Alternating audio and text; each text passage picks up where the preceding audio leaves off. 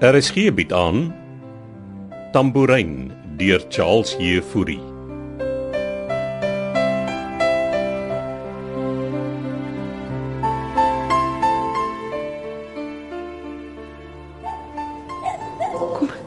Kom sit asseblief mevrou De Villiers. Dankie Helena en Amelia asseblief. Ag sorry. Ek was net so verras toe jy my bel. Ek hoop nie jy gee om nie. Eh, Dis nie ongeleen nie, is dit? Glad nie, inteendeel. Hou net aan. Sieze, soek sy graf.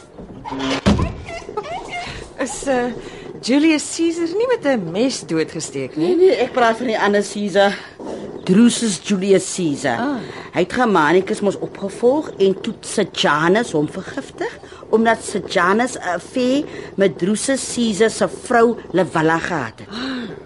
Nee kyk, die Romeine was maar 'n rowwespannetjie. Uh, lees jy baie Helena? nee, die goed hoor ek nou maar by my buurvrou wie se brakkie season nou eintlik is. Sy kyk heeltyd history goed op die TV. Die dat sy vir season nie worry. Wel, jy sal hom seker nie regtig vergiftig nie. Tuurlikie. Eh, Kry vir jou van die melktyd asseblief, maar ek bedoel Amelia. Wag. Die koffie is seker reg. Hm, dankie. Die melktert lyk heerlik. Ek maak dit eintlik vir Vannie, Ja man. my oorlede man. O, jy jy bedoel jy maak dit ter herinnering van hom. Ha, ten minste verstaan jy dit. My kinders dink natuurlik ek het die klits kwyt geraak om daar in die garage so af en toe saam met Winnie ook koffie en melk te te kuier. Jy kuier met hom ter herinnering van hom. Net so. Hier hier is jou koffie. Hierdie melktert is regtig besonder lekker. Mm, dankie.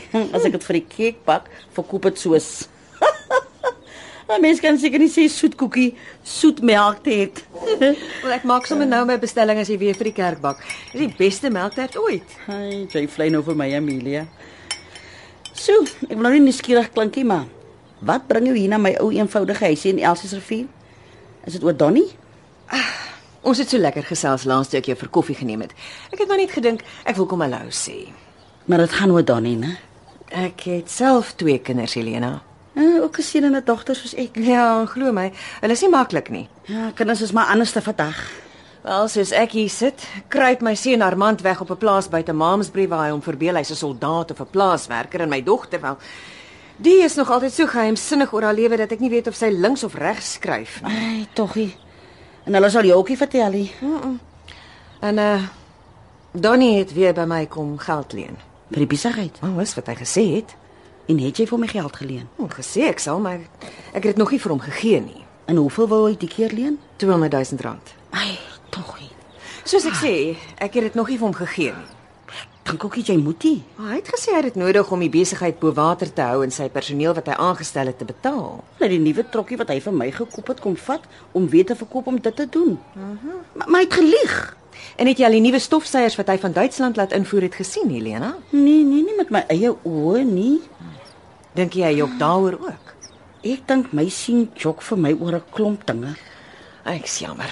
Ek wou jou nie kom ontstel nie, Helena. En dit dan nie 'n groot probleem, Amelia. Miskien is dit tyd dat jy my vertel voor ek hom nog geld leen en hy veroorsaak dat jy die besigheid verloor.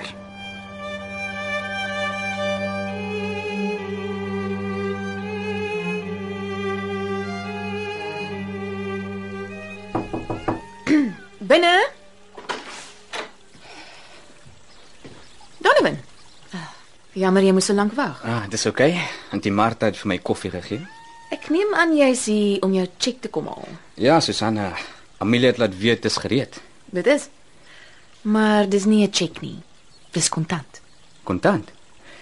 Ek het gewonder hoekom sy dit nie net direk in my rekeninge betaal nie. Sy wou hê jy moet dit kontant kry, dan hoef dit juis nie deur jou besigheid se rekening te gaan nie. Belasting, jy weet. Laat ek net die koevert vir jou kry. Dit gaan my baie help, dankie. Ek is seker dit gaan.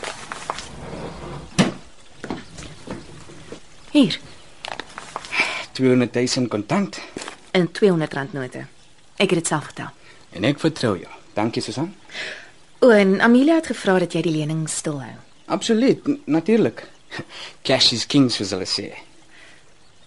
Donovan, toe ek jou die ander aand gebel het, jy onthou seker watter aand dit was. Was jy by 'n casino? Het jy die masjiene gehoor? Ja, ek het. Moenie so geskok lyk nie. Ek was alself 'n paar keer in 'n kasino. Dis 'n lekker manier om van spanning ontslae te raak. Solank mens wen. Jy het niks van Mele gesê nie. Natuurlik nie. Ag, dankie tog.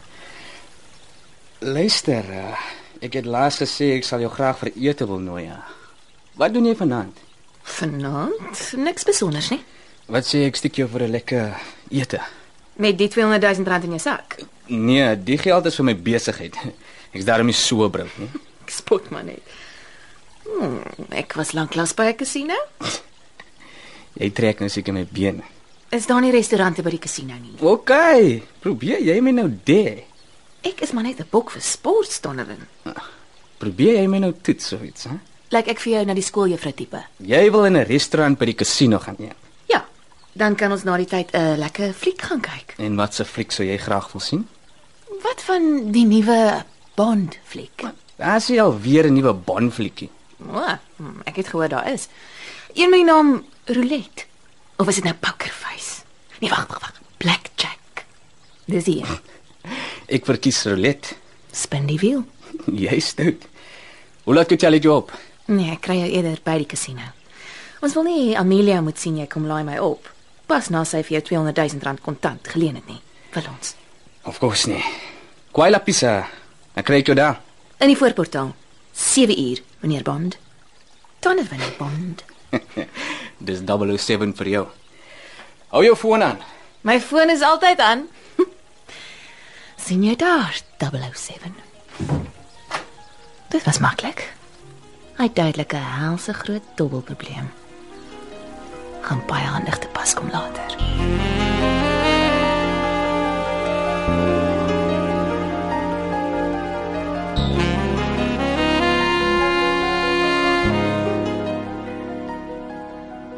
Hoe lank het hy al die probleem?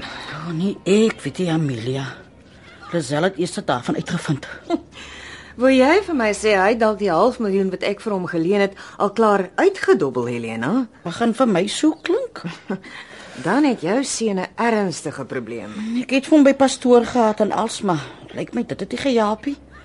En nou wil hy nog geld by jou leen. O, oh, jy weet seker dat as Donovan my nie terugbetaal nie, besit ek die hele skoonmaak besigheid. Nou, Sy suster het hom gewaarsku. Dat hy die besigheid kan verloor. Nee, teen jou, Amelia. Sy het gesê jy wil eintlik ons skoonmaak besigheid heeltemal oorvat. Jou dogter het dit van my gesê. Nee, ek is jammer maar ek moet vir jou die waarheid vertel. Jy besef seker ook dat jou dogter Lisel my man se skei saak teen my hanteer.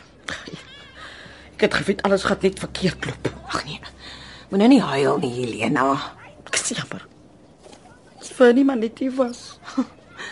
Soos jy van hom praat, klink dit of hy nog hier is. Ag, dis maar net my manier om te ontsnap. Ek het nie heen gekom om jou meer te ontstel nie, Helena. Soos ek vir jou gesê het, ek is self 'n ma en glo my, my eie kinders kompliseer my lewe net soveel.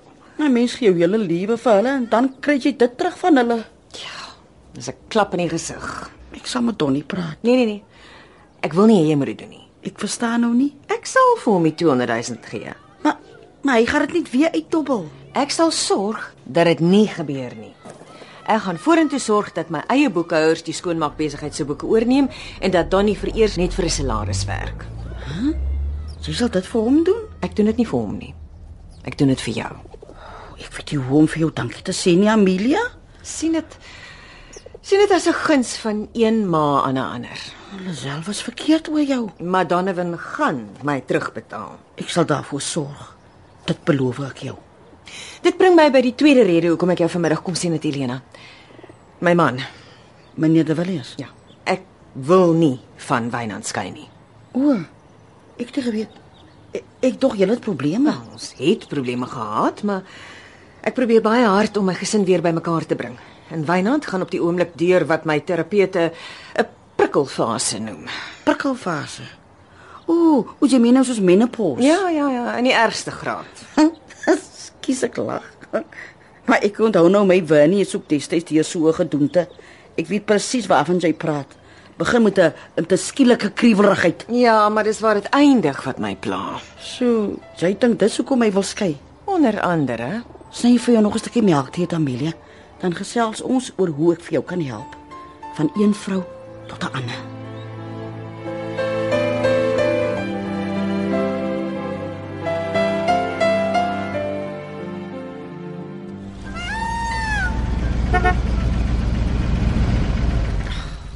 kuine nou weer hier. Jammer Susan, is jy op pad iewers heen? Ek was net van plan om in my kar te klim. Jammer. Ek het jou probeer bel, maar eh, Ek was seker nie stort. O, ja, jy sien ek nou eers. Jy het gebel. Jy sal vinnig moet praat.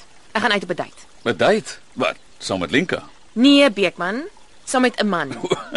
so jy wil nou regtig Linka se hart breek. Luister. Ek het vir jou gesê, daar's niks tussen my en haar nie. Ons het twee keer saam gaan dans en te veel tequila gedrink en dis waar dit geëindig het. Ons is net goeie pelle. OK, jy het dit al gesê. Maar ek sit nou met 'n probleem. Is dit oor Armand? Nee, nee, dis nie oor Armand nie, dis oor Linka. Okay, relax. Jy's skoon opgewek. Ja, Amelia het my gevra om Linka op 'n op op 'n- op 'n date te vat. Sy het wat gedoen? Ja, sy sy wil weet of Linka jy weet soos. En toe roep sy jou hulp as die stad in om vir haar uit te vind. Dis nie snaaks nie, Susan. Damn it. Nou, nou moet ek jou nou help. Gaan sê vir Amelia haar dogter is gay. Jy wil hê ek moet Amelia gaan vertel. Ja. Jy het tog die hele storie begin. Beekman. Ek het jou 'n guns bewys om in Wynand se slaapkamer te kom. Jy het my 'n guns bewys om uit te vind waarby Armand betrokke is en jy gaan hom ons nou red. Of hoe?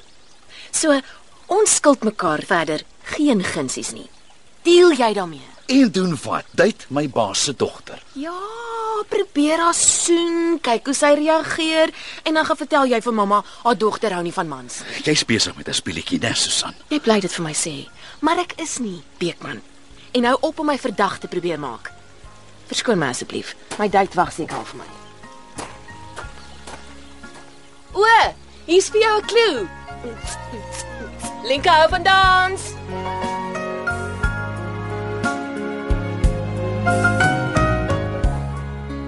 Tambourin word vir RSG geskryf deur Charles Heffury.